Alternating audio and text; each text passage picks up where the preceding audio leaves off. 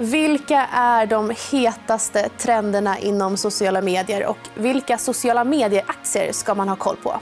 Det ska vi ta reda på i dagens EFN Marknad. Och med mig i studion för att prata om det här har jag Karl Lans och Elin Agorelius. Välkomna hit. Tack så mycket. Tack. Eh, idag ska vi djupdyka i sociala medier som bransch på börsen. Eh, vad använder ni själva för sociala medier? Elin? Ja, nästan allt, skulle jag säga. Inte att man är lika aktiv på allt. Men i och med att jag jobbar med kommunikation och då även sociala medier så känner jag att man, eh, man får testa lite. För Det är ganska ofta som man eh, behöver se vad händer. Mm. Hur funkar det? Mm. Du, Carl, du är också på alla plattformar? eller? Nej, jag är lite mer selektiv. Jag, framförallt Twitter är det, mm. Eh, som jag använder offentligt. Då. Sen har jag ju Facebook och Instagram. Mm. Så det är ungefär dit jag sträcker mig. Ja. Skulle ni säga att eh, vad ni använder påverkar era beslut kring vilka aktier ni också investerar i när det kommer till sociala medier? Lite grann använder man ju kanske Twitter då, som informationshämtningskälla. I alla fall. Mm.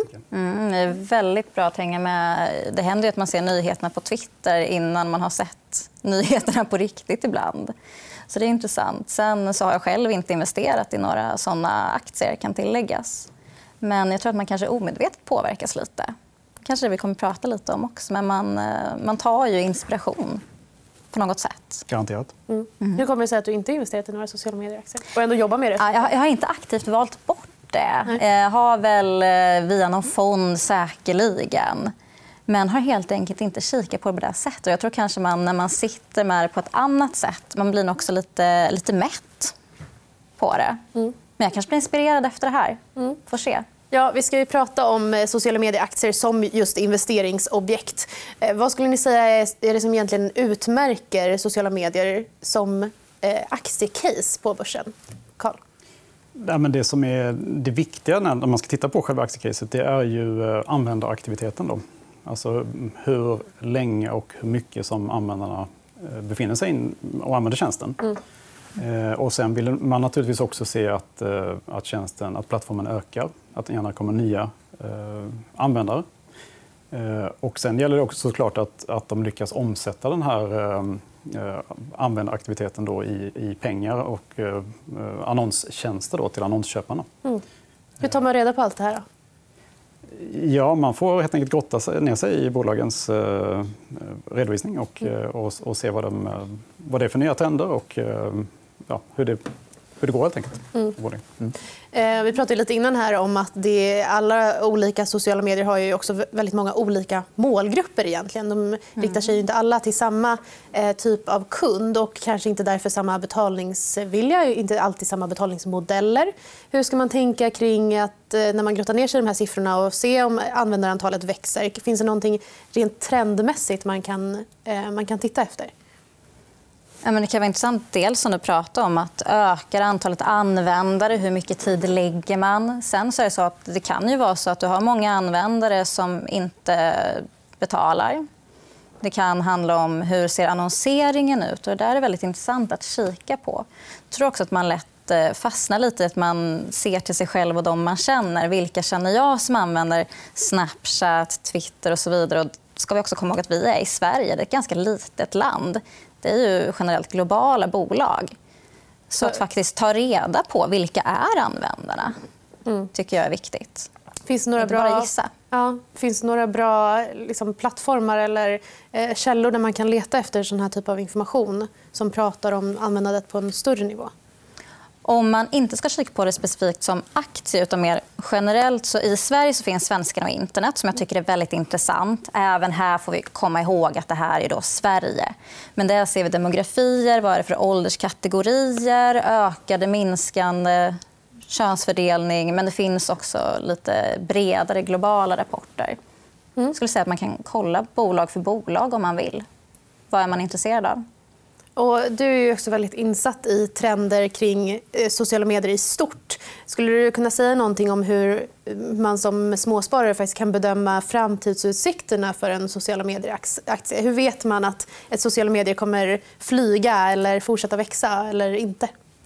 Tråkiga svaret tror jag att man inte vet. Eh, det är väldigt lätt att tro att det här är det stora. Och även här tror jag man lätt fastnar i att man, man ser till sig själv. Vad tycker jag är givande och kul? Mm. Men jag skulle återkomma lite där till att liksom försöka kolla bredare och kolla vad, vad säger faktiskt siffrorna. Hur ser användarantalet ut? Mm.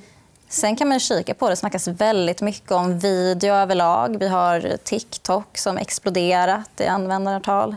Instagram anpassar sig till TikTok-användarna, vill stjäla över dem. Vi har Youtube.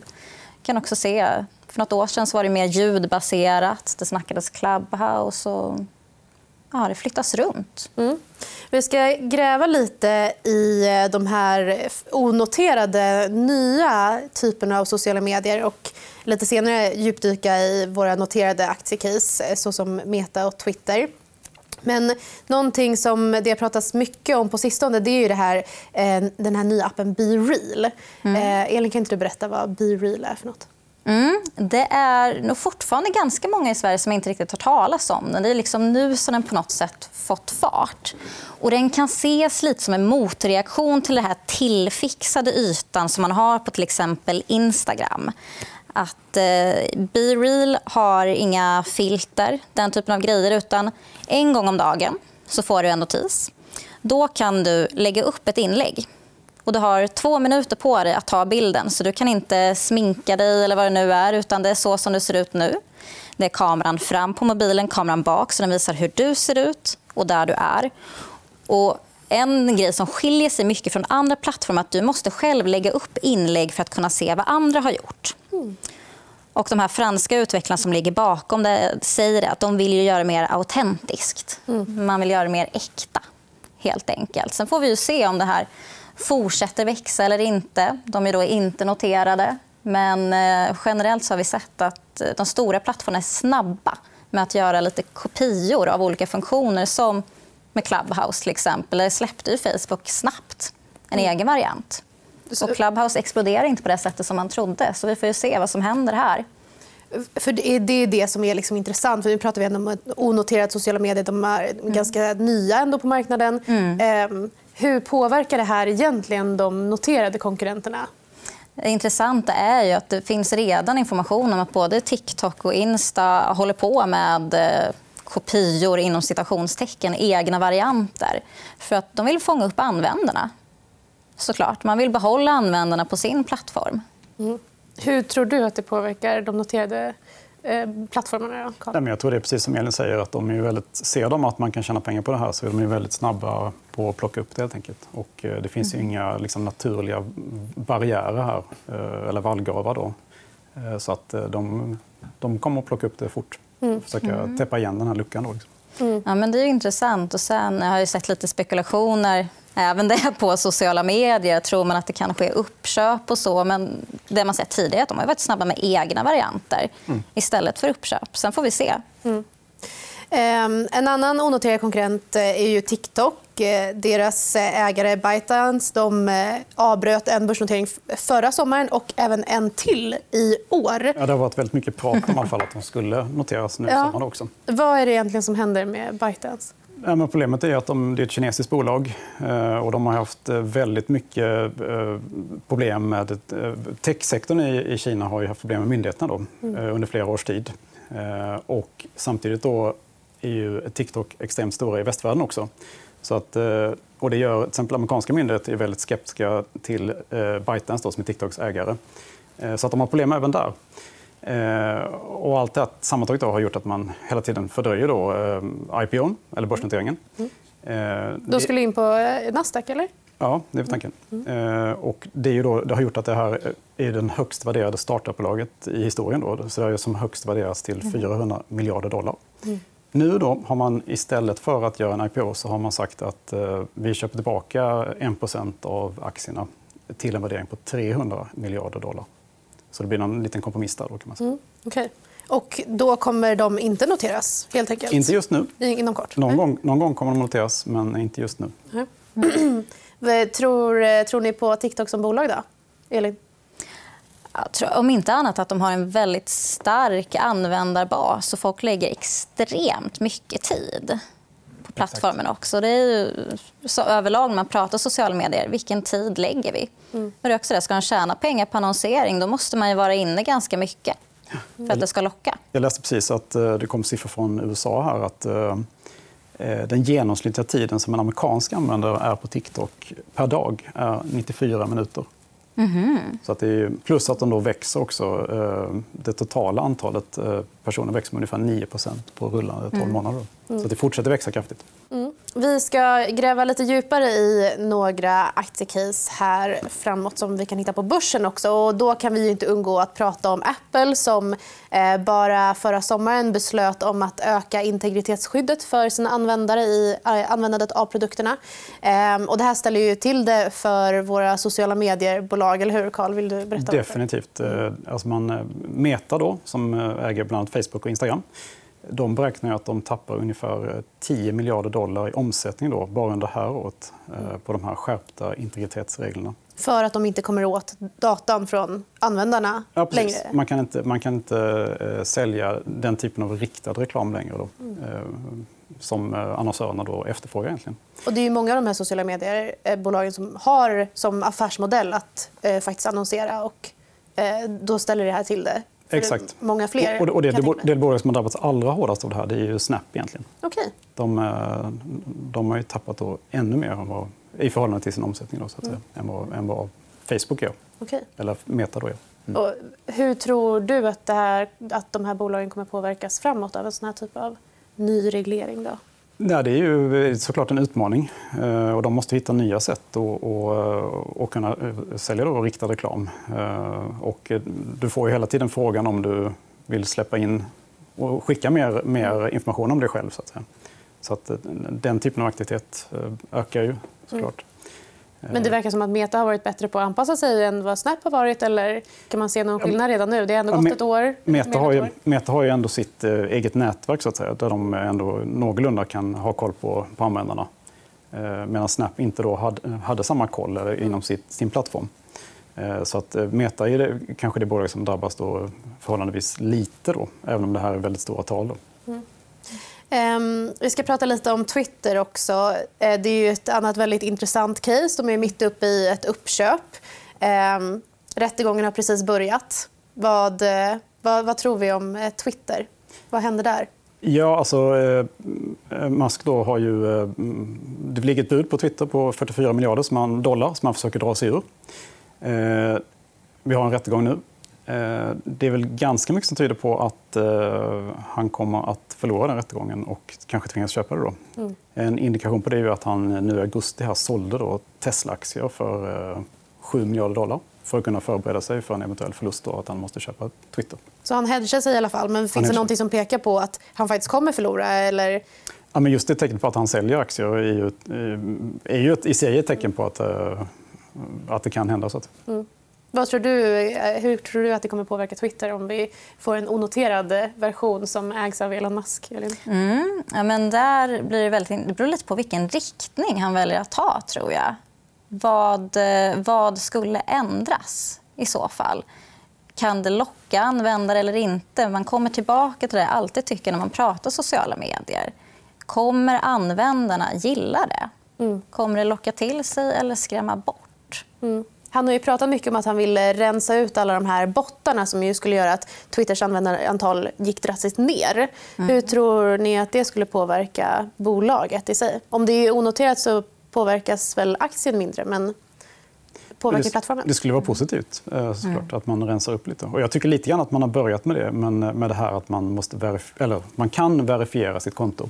Mm. Eh, och det är ju ganska tuffa formalia så att säga. Där att de kollar verkligen upp att, att det existerar då, den organisationen eventuellt. Och så där. Så mm. Jag tror att det skulle vara positivt. Men det han har sagt annars är väl att han ska tillåta Trump igen mm. att använda plattformen. Just det. Och han var ju den, den som hade mest följare. Liksom. Mm. Så det kanske kommer fler eh, såna typer av profiler också till plattformen? Det är möjligt att det blir mer liberalt. Ja. Mm. Ännu mer liberalt. Ja, men det kan vara intressant om man eh, ska tänka att det finns ju eh, ett par profiler som har haft väldigt många följare som eh, stängts av från eh, Youtube, Instagram och så vidare. Helt olika typer av personer, precis som Trump. Eh, så det blir också intressant. Kommer det locka till sig de som blivit uteslutna så att säga blir Mm. Twitter. Man rör sig på istället. Mm. Om det blir mer fritt där. Och då blir än en gång frågan kommer de flesta föredra det eller inte. Ett annat eh, case som vi har pratat lite kort om men som vi inte har grävt så mycket i det är ju Meta just som äger bland annat Facebook, Instagram och Whatsapp. Ehm, vad tror du om Meta? Ja, det ser lite tuffare ut nu. Eh, De eh, lanserade ett sparpaket här nyligen. De ska sänka kostnaderna med 10% Det första sparpaketet i bolagets historia. Hur kommer det sig? Då? att De... Ja, det är helt enkelt att de, eh, de hade prognosen var att de skulle ligga flat eh, i omsättning det här året men att de skulle börja växa igen nästa år. Men nu ser man då att eh, konjunkturen eh, blir så pass svag så att det är inte säkert att de kommer växa så mycket nästa år. Så därför förbereder man sig nu genom att dra ner kostnaderna istället. Okej. Och sen, aktien har ju rasat jättemycket och värderingen har rasat jättemycket i bolaget. De, de ligger ju liksom på ett P-tal strax över 10 nu. Då. Eh, och normalt sett har ju Meta legat på en värdering på ett P-tal på 35, kanske 30-35 någonstans. Mm. Men det är ju då med tillväxt. Mm. Eh, så att frågan är om tillväxten kan komma tillbaka. De satsar ju mycket pengar på metaverse också. Mm. De drar mycket. Vad är det för typ av målgrupp som använder Facebook? Då? Är de betalnings, eh, finns det betalningsvilja där i, även i en lågkonjunktur? Vad tror du? Hur skulle du beskriva den här typen av Ja, personer? men tittar man på de här olika rapporterna så snittåldern de aktiva användarna på Facebook är högre än till exempel Snapchat eller TikTok vilket i sin tur ofta innebär lite mer betalningsvilja och lite mer köpstarka. Mm. Men där, det blir också att bolag, om de i alla fall vet vad de gör så väljer de också vilken plattform man annonserar på utifrån vilka man vill nå. För att det ska vara prisvärt också. Riktar man sig till specifikt en väldigt nischad målgrupp som inte finns på Facebook då är det inte värt att annonsera där. Och det är väl också lite därför de är väldigt snabba med att försöka plocka upp trender. De vill ju ändå kunna locka folk till sina olika plattformar. De har ju till exempel infört reels på, eh, som då är en, en eh, sätt att konkurrera mot TikTok då på Instagram till exempel. Problemet med reels är ju då att eh, de här äldre användarna på Instagram de gillar inte det. Eh, De vill ju gärna ha kvar det här med bara bilder. Då. Mycket snack kring det där. Ja, visst. Och sen är det också, de fick dra ner det lite då, eh, det här att inte, man inte bara ser reels. Eh, Och sen är också problemet att man har inte ännu då eh, den här annonsförsäljningskanalerna vad det gäller reels. Så att det kommer att ta då eh, ett tag att bygga upp det. Mm. Men där tycker jag man kan eh, komma ihåg att eh, Instagram hade inte alltid stories heller. Jag kommer också ihåg när de körde stories och jag tyckte själv att det kändes jätteonödigt för där hade man ju Snapchat för den typen av grejer. Nu är det ju väldigt accepterat och använt. Så vi får ju se om Reels blir samma grej. är en liten tröskel att ta sig över. Snapchat försvann ju inte bara för att Instagram körde stories heller utan de finns båda. Snarare vi som växte ur målgruppen kanske. Eh, Ja, vem vet? Och det, det är än en gång, man ska gå ifrån sig själv lite. Liksom. Ja. Eh, Ett sista case som jag vill att vi ska ta upp innan vi avslutar det är ju Microsoft som eh, äger plattformen LinkedIn som har växt mycket på sistone. Karl, vad tror du om LinkedIn Ja, som alltså, case? ja alltså, det är ju jätteintressant. Eh, LinkedIn köptes upp eh, 2016 av Microsoft för eh, Eh, 26 miljarder dollar. Och eh, på den här tiden, fram till idag, så har de då tredubblat omsättningen. Eh, och det är ju helt klart den ledande då, jobbsökarplattformen i världen. Det går jättebra. Ökat på rullande 12 månader nu så ökar omsättningen med 26 procent. Så att, det har varit ett fantastiskt köp av Microsoft. Och vad tror du om framtiden för LinkedIn inom Microsoft-gruppen? Då? Jag tror att det, det kommer fortsätta vara en, en, en stabil plattform. Den är ju, alltså det är ju det är kanske en sån plattform som är, man inte hänger på så där jättemycket förutom då om, om man då söker jobb. Så att säga. Mm. Eller om man vill berätta att man har fått ett nytt jobb. Och så. Men eh, eh, det är en nischmarknad som är väldigt intressant. Tycker jag. Får man, eh, får man tillräckligt stor exponering av LinkedIn då om man äger Microsoft? Eller hur stor del av Microsoft är egentligen det här fantastiska, den här fantastiska plattformen? Det är en pytteliten del av Microsoft. Det är så. Så om man vill få exponering från, eh, mot LinkedIn så eh, ska man investera i Microsoft men vara medveten om att man får mycket annat. Exakt, exakt. Väldigt mycket annat. Stort tack för att ni var med oss idag, Karl Lantz och Elin Agorelius. Och glöm inte att följa vårt Instagramkonto EFN Aktiekoll. Vi är tillbaka som vanligt nästa onsdag. Det får ni inte missa. Vi ses då.